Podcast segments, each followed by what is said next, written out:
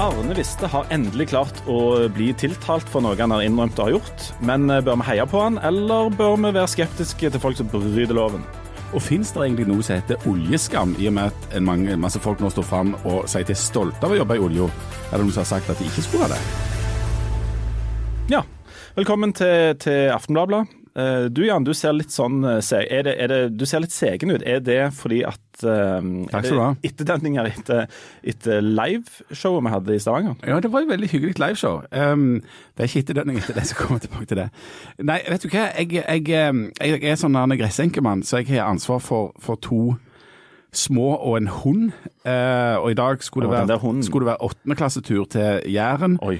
Dette kombinert med at jeg, jeg, eh, jeg, var i en begravelse for en venn faktisk på tirsdag, som, som, men som ble, som ble en, sånn, en fin eh, avskjed likevel, for det var i hans ånd. Så det endte med at det ble en slags, et veldig langt gravøl, rett og slett. Så jeg er noe sliten rett og slett ennå etter det som ble en veldig fin, fin egentlig dag. Um, på en veldig rar måte um, i hans ånd.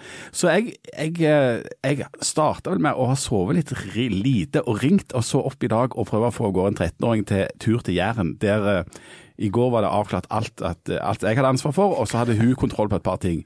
Tror du det gikk sånn? Nei. Nei.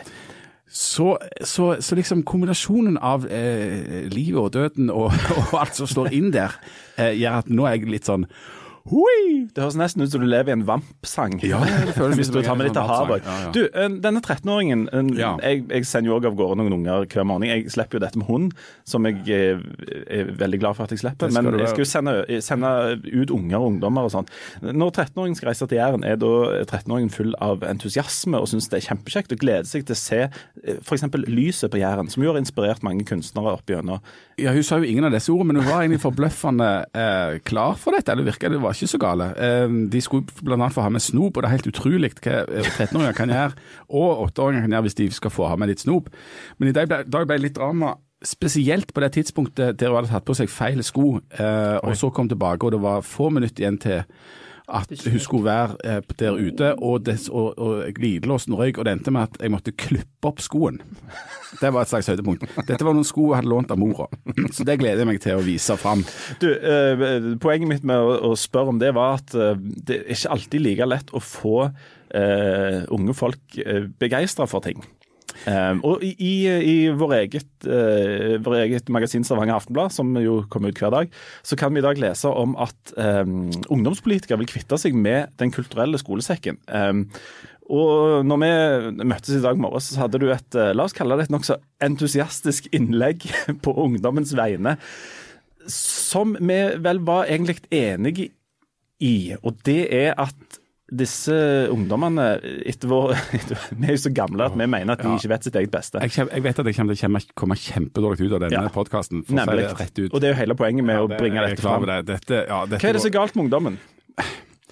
Altså Det som er noe av med både når du står der og, og en 13-åring som skal på tur og har tatt på seg feil sko, og eh, med ungdommens fylkesting når du er en mann som ikke bør si noe om dette, sånn som meg. Mm. Du skal bare ta bakgrunnen. Det er altså uh, Ungdommens fylkesting, som er et sånn rådgivende um, organ. Uh, der de har tatt til orde for å legge ned Den kulturelle skolesekken og erstatte det med en app. Og Da gikk det en sikring hos uh, Unge Sal. Ja, for argumentasjonen der sier jo at de vil ikke ha en masse sånne gamle menn som kommer og synger Beatles og er på seg løgne klær, liksom. Og så skal de da løse dette med å få et større kulturtilbud til ungdom med at de skal få en app istedenfor å bli utsatt for kultur. Eh, for dette er politikersløsing med penger, dette her da, visstnok. Eh, og mitt problem er jo at jeg har levd da sannsynligvis altfor lenge og har satt meg altfor mye inn i disse tingene.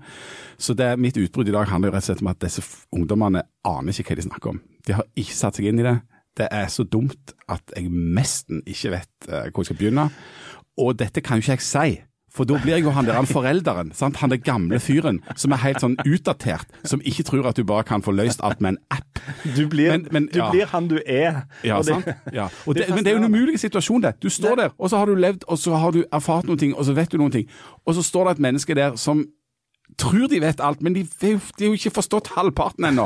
Men hvordan skal jeg få formulert det uten å bli Men- helt feil? Men du, har ikke du noen, har ikke du noen nei, Vent litt, du var jo ung rett uh, i mellomkrigstida, Ja. og det var gjerne det var jo Lalla Karlsen og Leif Juster og de som underholdt kanskje dere på, på Ja, skolen. og men, tro meg, jeg har vært fylt av sånn ungdommelig energi og hybris, og trodde jo Det- at jeg hadde forstått det, og syntes de, dumme, var- nei, de, de voksne var teite. teite. sant? lenge siden. Ja. Men når jeg gikk på videregående, så um, Dette var nok litt sånn i, i gryinga til denne kulturelle skolesekken. Jeg husker jo at det kom eh, kunstnere på besøk hos oss, bl.a. når jeg gikk på videregående. Sandnes videregående. Der var det på et tidspunkt så sa han ene inspektøren, som alltid gikk med tversoversløyfa og trodde at dette var et universitet, han kunne da eh, formidle med stor entusiasme sørlandsdialekt, i den grad det lar seg kombinere at nå skulle skolen få besøk av en stor eh, pianist. Og da kom Og eh, veldig dårlig sørlandsdialekt. ja, ja jeg, jeg tar kritikk på den. Ja. Eh, Christian Ile Hadland, som da var et ungt supertalent, kom og skulle spille Grieg og Rachmaninov på et litt sånn halvstemt piano i ei kantine der akustikken var litt sånn borgerkrigsaktig. Og der satt vi og syntes det var, syntes det var fryktelig. Og jeg husker òg på ungdomsskolen så fikk vi, mening, fikk vi besøk av noen eh, som sang opera, som jo var forferdelig stygt. Eh, og der et menneske sto og døde i 45 minutter i et hjørne, mens der, jeg tror det var en løytnant. Det er jo alltid en løytnant som kom med.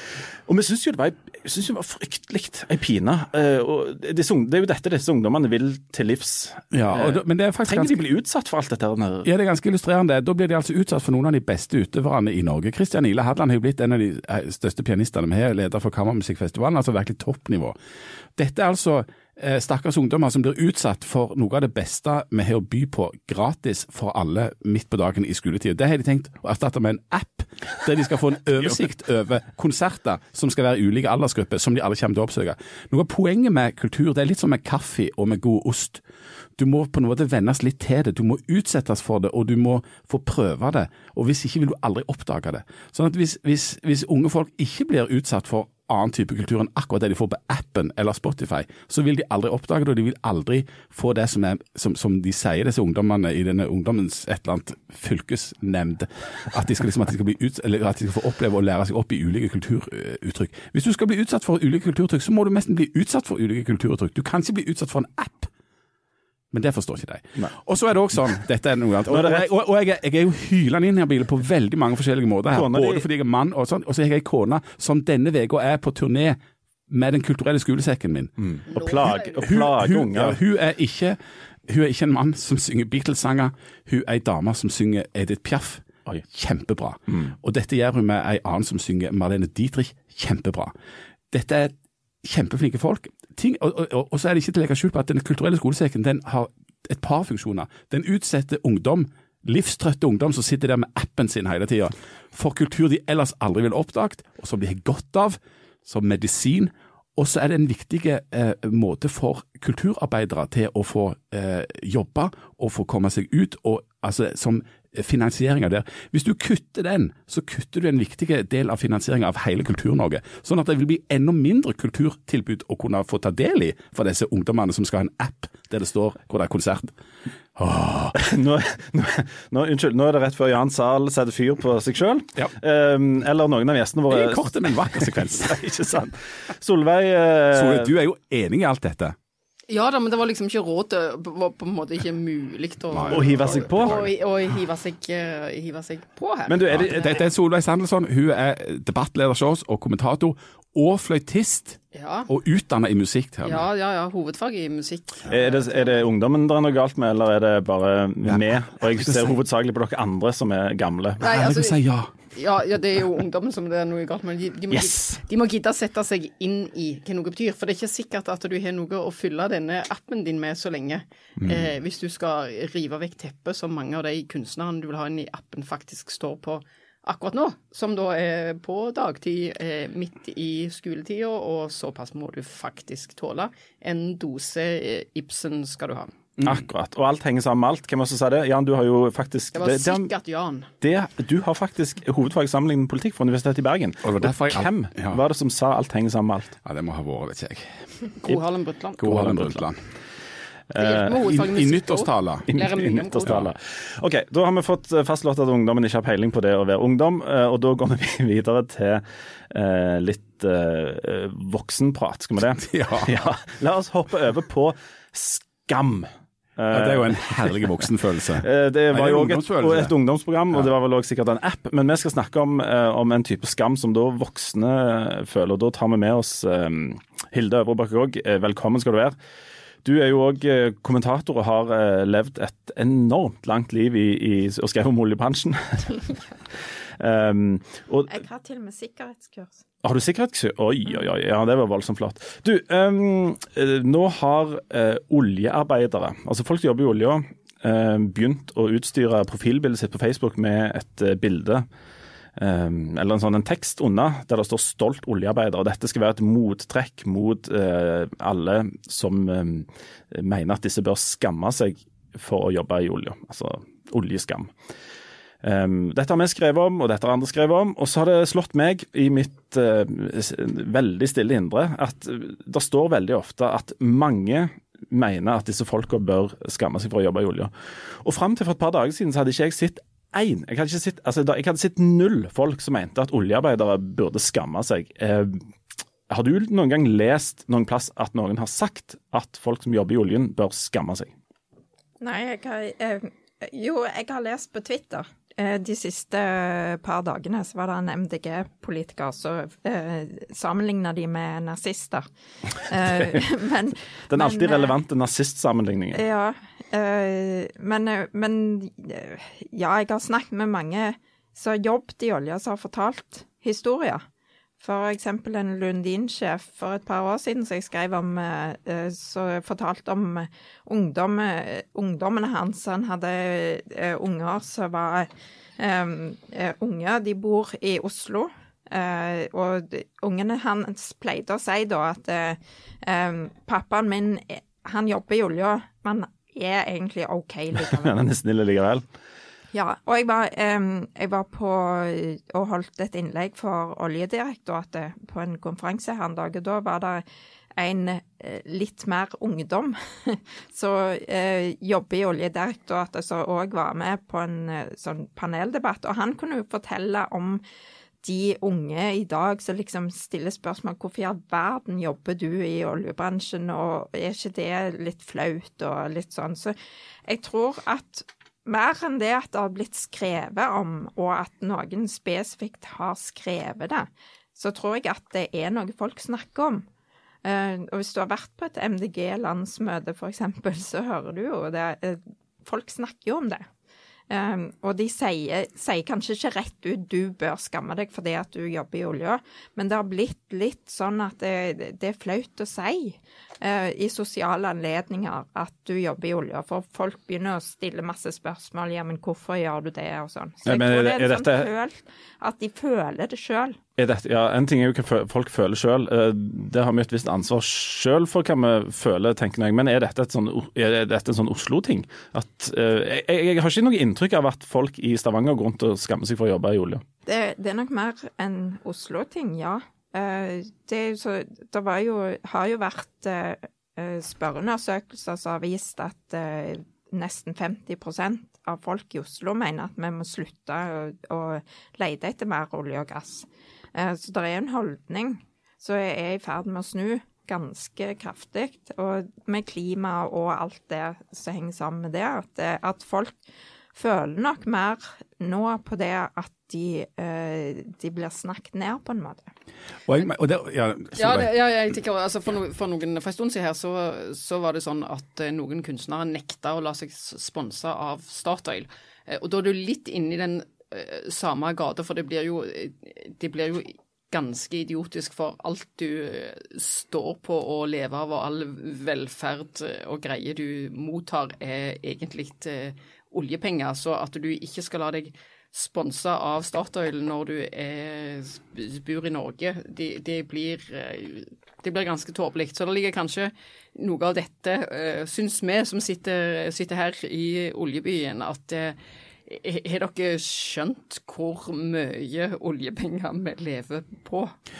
Og Leif Tore, hvis du ikke har fått med deg at dette har vært en diskusjon før, så leser du altfor dårlig eh, i avisen, eller følger for dårlig med, eller for få bøker. For i 2010 så kom Aslak Sira Myhre med en bok som heter 'Hersker på tjenere', som handla om en del om, om å være oljeunge i Oslo. Og da skrev han om akkurat disse tingene her. At eh, å gå rundt i Oslo, eller liksom være i en del sosiale lag der, når, en, når det kom opp dette med olje, sa han det ble sammenlignet med omtrent å drive med heroin. Eh, der var det en debatt, og han fortalte om seg sjøl eh, som nye RV-leder på 90-tallet, som stilte seg opp og holdt demonstrasjon og sa at nå måtte, vi, nå måtte vi plugge igjen disse borehullene med sement og få slutt på dette oljemarerittet. Og etter at han hadde sagt det, så tenkte han oi, kommer dette på TV, for da kan jeg jo knapt reise hjem til Stavanger. Så diskusjonen om olje som noe skittent og som noen ikke burde holde på med, og at det er sammenlignet med, med, med, heroin eller våpenhandel ja, nazisme, eller, eller, eller, nazisme som har blitt. Altså du skal være du, du, skal være ganske dårlig på å lese mellom linjene hvis du jobber i olje og ikke får med deg at det er eh, noe som, som, det liksom er noe sånn skambelagt eller noe problematisk med. altså.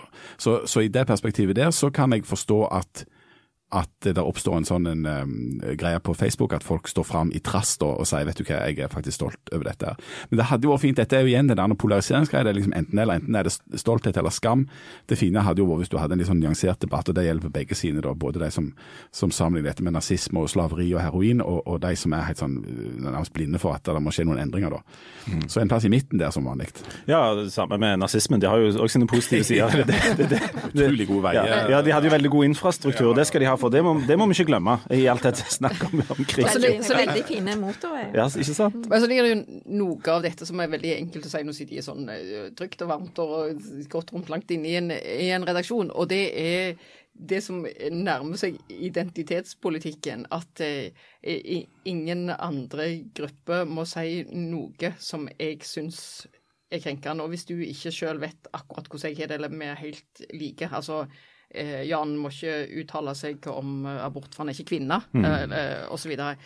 Det der, sånn, hvis jeg skal bli litt, litt sånn høytidelig, det er òg en fare for alle offentlige diskusjoner, for, for demokratiet. Hvis, lenger, hvis, det blir sånn at du ikke kan få lov til å diskutere sak og være eh, kritisk eller gå langt inn i hvordan skal vi gjøre dette med, med olje og gass uten at noen føler at du sier du må skamme deg så er vi jo selvfølgelig ute å kjøre, som er på mange andre områder, og som er til å rive seg i håret av.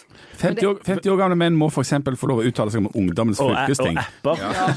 Selv om de ikke er ungdom lenger. Men, men eh, har, har, vi har jo et ganske stort ansvar sjøl for å ikke Altså, vi, vi, kan jo føle oss uh, den ene og den andre måten pga. Uh, liksom, liksom sånn stemning og sånt rundt. men Eh, men, det, det, er del av den der nye kulturen hvor alle blir krenka. Eh, hvor krenkbar er du? Ja, eller hvis vi diskuterer uh, for eller mot altså, La oss ta MDG, da. Den nazistsammenligningen den er jo den er jo gjerne litt Den er jo ekstrem. Litt Men, men miljøbevegelsen og MDG f.eks. må jo kunne diskutere og snakke høyt om å legge ned oljebransjen uten at det i seg selv gjør at oljearbeidere føler at eh, MDG vil ta livet av dem. Altså, det må jo gå an å puste med magen på begge sider her. Ja, det, det faktisk i den debatten så var det en som stilte spørsmål med om ikke oljebransjen legger opp litt sjøl til en sånn polarisert eh, debatt, fordi at de, de sier de, de, legger på en måte ordene i munnen til f.eks. MDG, og så sier de vi kan ikke stoppe med olje nå. Men det er ingen som har sagt at vi skal stoppe med olje nå. Eh, de vil ha en sluttdato, men den er ikke i morgen. Den er jo noen år fram i tid. Eh, nå kan det jo diskuteres om det er bra å sette en eh, sluttdato, men, men å fase ut oljeindustrien må vi jo gjøre på et eller annet tidspunkt uansett. Så da er det jo heller å snakke om hvordan skal vi gjøre det. Mens oljebransjen tar en litt sånn Nei, dette vil ikke vi snakke om, vi kan ikke stoppe, vi må bare fortsette sånn som vi eh, gjør i dag. Så ble, de bidrar litt til den polariserte debatten sjøl. Og Mer interessant enn å diskutere om det er skam eller ikke skam, eller det liksom de mest ekstreme standpunktene, standpunkter, så er det, dette er i ferd med å bli en sånn politisk sak og en politisk realitet som kommer til å, å bli viktigere framover. Det er nå en splittelse i, som går tvers gjennom Arbeiderpartiet på, eh, mellom industri og, og, og, klima. Altså Når Jonas Gahr Støre sier at den viktigste saken framover nå er klima, ok, hva skal du da tenke hvis du jobber med industri f.eks.? Så der er det en splittelse i, internt i Arbeiderpartiet. Samme splittelsen finner du faktisk nå i Rødt. Altså, Mime Kristiansson i Stavanger han skal jo ikke legge ned oljenæringen like fort som Bjørnar Moxnes i Oslo skal, i Rødt. I MDG er det òg begynt å bli eh, diskusjon om de, hvor hardt de skal stå på dette som et sånn ultimativt krav for å gå i regjeringsforhandlinger. Og Med den veksten MDG har på, på gallupen til neste stortingsvalg, så kan fort dette bli eh, et, et sånn reelt politisk spørsmål. Og Da bør vi heller diskutere det saklig enn å drive på med sånn skamming og, og, og, og krenking og, og er det bad. Og Nå har du ikke engang nevnt Venstre med andre forvirrende partier ja, som De er så eh, små at de er veldig vanskelig å få øye på. du, eh, eh, bare helt til slutt med, med denne miljøsangen. Nå nevnte du eh, Arbeiderpartiet og eh, miljø. Det er en ganske interessant øvelse de skal gjøre nå. For Arbeiderpartiet er som alltid nødt til å gjøre noe. Um, og LO er ikke så høyne på at Arbeiderpartiet skal bli en slags filial av MDG. Uh, mens de fleste, altså sånn som Jonas Gahr Støre og en del andre, er jo ivrige på å bli ta denne miljøkampen. Hva slags parti er en Du har jo faktisk hovedfag i sammenlignet med politikk fra Universitetet ja, i Bergen. Fint du nevner det. Ja. Hva slags eh, parti kommer Arbeiderpartiet til å være eh, neste gang der er valg? Er det Miljøpartiet Arbeiderpartiet, eller er det eh, Oljeindustripartiet? Jeg skulle jeg kunne svare på det, så måtte jeg hatt doktorgrad i sammenlignet med politikk. Det har du jo nesten. Og vel så det. det har jo nesten vi snakker det. mer om nyåndelighet, tror jeg. Ja, jeg måtte vært klervoajant. Nei, jeg aner ikke, det er jo akkurat det. Men det er jo det som er så enormt interessant. Sant? For de står i en sånn spagat nå så ingen vet hvor, hvordan de lander i. Og Men det er jo noe som er, som er, veldig interessant der, og det er at eh, Arbeiderpartiet om noen burde jo da eh, få med seg eh, LO og, og, industrien på å se hvordan kan vi gjøre dette på en trygg måte, sånn at ikke arbeidsplassene forsvinner over natta. For det kan de jo faktisk gjøre hvis en kjører på med flate pedal, og så plutselig så dratter prisene til bunns fordi noen andre land har har funnet ut at eh, her kan vi klare oss eh, eh, uten. Så det finnes jo mellomting her. sant? Og det finnes jo måter å gjøre dette på der en nettopp ønsker å klare å ta vare på eh, arbeidsplasser. Ja, det er jo noe med å ta vare på den kompetansen som vi har, og, og bruke den til noe fornuftig. Men da, da, må det heller være den diskusjonen vi tar. Og, og, så må de komme med et svar på hvordan vi skal få, hvor vi skal få energi ifra. Hvis du er imot eh, kjernekraft, olje, gass, vindmøller på land, eventuelt vindmøller til havs, Ok, Hvordan skal vi da få lada elbilene våre? Jeg mener vi må ha inn eh, Eller vindmølleskam er jo kommet for fullt. Ja, er det andre ja. typer sånne ting vi kan Nei, Vi skal ikke eh, snakke om skam hele tida, Leif Tone. Må du ikke la oss, heller snakke, okay, la oss heller snakke om arbeid og kompetanse, da. Du, vi hopper, vi hopper, over på eh, neste. Vi har en kar i, i Oslo som har sittet i, mm, i, en rettssal og fulgt eh, saken mot Arne Viste. Um, de fleste har nok fått med seg noe av den. Det, Arne Viste er altså en bedriftsleder som i over ganske lang tid har prøvd å bli tiltalt uten å lykkes. De, de fleste, de fleste eh, mulig kriminelle folk har jo det motsatte problemet. Men Arne Viste har altså prøvd i lang tid å bli tiltalt for å formidle eh, arbeid, arbeid til ureturnerbare asylsøkere. Ikke sant? Han har troppet opp hos politiet og bedt de pent om ikke de kan ta han. Noe de jo har avvist flere ganger. Eh, men nå eh, sitter han altså i Oslo tingrett og skal forsvare det han har gjort. Solveig, kan ikke du eh, litt sånn halvkort fortelle hva det er han har gjort for noe? Han er, han et bemanningsbyrå, og han har da gitt såkalt ureturnerbare asylsøkere jobb. Og det er ikke lov? Det er ikke lov siden 2011, eh, så, og det var en annen regjering. Det var rød-grønn eh, regjering. Så, men det var et bredt eh, politisk eh, flertall på, på, Stortinget som er enige om at det er ikke lurt. Eh, dette er jo folk som en da ønsker å sende tilbake igjen. Altså de har fått avslag på eh, asylsøknaden sin. Eh, men så er det av flere grunner så er det sånn at Norge kan ikke tvangsreturnere de. Der er, de mangler kanskje eh, papir. Eh, det er kanskje røverstater som Eritrea og slike plasser der det ikke er forsvarlig å, å sende de tilbake igjen. Så de er avhengige av at de frivillig reiser tilbake igjen. Eh, hvis du frivillig skal ville reise tilbake igjen til et land som Norge sjøl mener er for eh, farlig og utrygt til at de kan stå for det som, som stat, så blir jo en slags logisk slutning at da må du gjøre det enda verre her enn enn de vil ha det der. Og da er vi jo inne på eh, ganske sånn grunnleggende spørsmål for et samfunn. På altså hvor, eh, hvor vanskelig og uholdbart skal du gjøre det for noen enkeltmennesker for, For disse, å ta vare på en annen greie. Disse folka sitter i Norge i en slags limbo. De kan ikke reise. kan- eh, De kan ikke bli, de kan egentlig ingenting, og de har da ikke lov å jobbe. De Ikke lov å jobbe, ikke lov å gå på skole, og de får bare, bare rett til helsehjelp når det er akutt og livstruende. Og hvorfor var det et bredt politisk flertall for det på Stortinget? Det eh, må jo være fordi at de, eh, de, de snakker jo hele tida om innvandringskritiske hensyn. Jeg vet ikke om det ble sagt akkurat når de går inn for dette, men, men en har jo sett det eh, i en del ganske mange saker så veier innvandringskritiske hensyn tyngst, og da snakker en ofte om det som en tror eller har grunn til å tro har en sånn slags preventiv virkning. Altså at du eh, hindrer flere i å komme. Du må, du må spre at dette nytter ikke. Eh, ikke prøv. Eh, det, går ikke sånn at det ikke kommer ei røys med tilsvarende asylsøkere i samme situasjon som ikke har grunn til å få, få opphold her. Så det det, må jo ha vært noe der. Men her er det jo liksom hvor, hvor mange stabbesteiner skal en eh, flytte for da å ta hensyn til både til dette samfunnet her, og kanskje til de som de mener har rett til å, å få asyl her.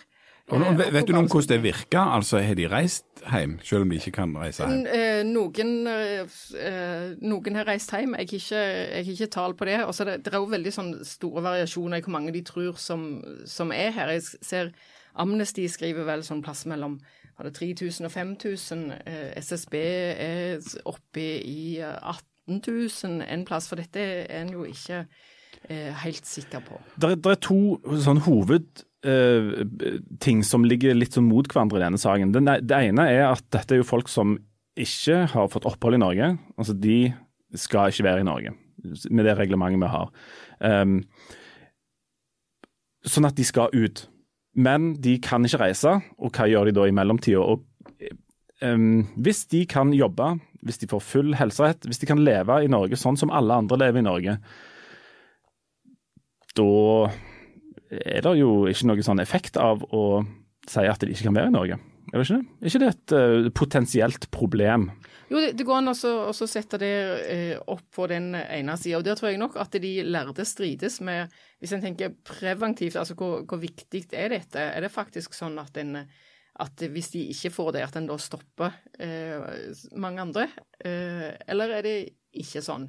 Er det sånn at hvis du er deprimert, noen av disse er helt sikkert traumatisert fra før, at hvis du får eh, jobbe og får komme deg bitte litt på beina igjen, kanskje du òg får overskudd til faktisk å reise hjem eh, etter hvert. Dette er, det, er liksom, det er jo flere ting her. Men det går fint an å forstå eh, det perspektivet med at folk som ikke får opphold her fordi en mener at de har ikke rett på asyl, at en prøver å få dem til å, å reise tilbake igjen. Men så finnes det jo da, må det gå noen grenser en plass, eh, tenker jeg. Det er jo det Arne Viste nå eh, prøver ut. For hvor, hvor umenneskelig kan vi behandle eh, enkeltmennesker som da faktisk er stemmeløse i dette samfunnet? De skriver ikke så veldig mange kronikker til, til Aftenbladet. Eh, hvor, hvor dårlig kan vi behandle de før det faktisk går ut over oss som, som samfunn? Og Han går jo ganske sånn fundamentalt til verks nå i den rettssalen, da, for der er det jo den juridiske argumentasjonen som, som gjelder. Han går rett og slett til Grunnloven, der han mener at det står at alle folk skal ha rett til å arbeide. Eh, mens eh, statsadvokaten vel hevder at det er ikke en sånn individuell rett eh, du kan trekke ut av Grunnloven der. Men noe av utgangspunktet hans For, det, I en rettssal, i en rettsstat, så må du argumentere juridisk. Men noe av utgangspunktet hans er jo noe av det du, din søndagsskolelærer og misjonsbarn Leif Tore Lindø kjenner til, nemlig rett og slett Jesus. Ja. Han argumenterer jo at dette er en plikt for han som kristen og prøve å ta seg av disse medmenneskene. Som er et, sånn, det er et religiøst utgangspunkt. Ja, han har jo, han har jo vanker jo i de samme kretser som, som jeg gjør, og der er Det skulle han i grunnen ikke tro. Jeg- jeg- Ikke kom her og si at jeg er ikke en humanitær eh, frontsoldat. Eh, han mener jo at det er hans eh, plikt, sånn som han eh, opplever eh, Skriften og sånt, å hjelpe de som ingen andre hjelper. Um, og så er det jo det, er masse interessant eh, juss og sånt oppi dette her, men han, hans grunnholdning er jo at dette er folk som trenger hjelp, og da skal han hjelpe dem. Og han er jo en stor helt Han har lenge vært en stor helt i sånne eh, kristne eh, miljø. Han sitter på en sånn veldig sånn konkret måte å liksom handle på. Og mens den siste tida så har jo dette liksom spredd seg og, og kommet ut, ut forbi kirkerommet. da. Um, men han, han er veldig klar på det, at det er hans eh, plikt som eh, kristen og som, eh, altså som menneske å gjøre dette. Og det er jo en form for sivil ulydighet, det han gjør. Um, og så tror jeg han òg er klar over at det er um, at dette ikke er helt svart-hvitt, men etter hvert så har han fått ganske mye støtte fra folk som òg er villige til å liksom, hjelpe han. Men, nå, men nå er du, er du inne på en interessant ting eh, eh, for oss hedninger og for andre òg, sikkert. Hedninger, jeg er visst ateist, jeg er ikke hedning. Men skal religiøse hensyn og overbevisninger kunne trumfe reglene i en rettsstat? Og gjelder det eh, både for kristne, altså, kristen, altså, altså kirkeasyl, det han holder på med nå?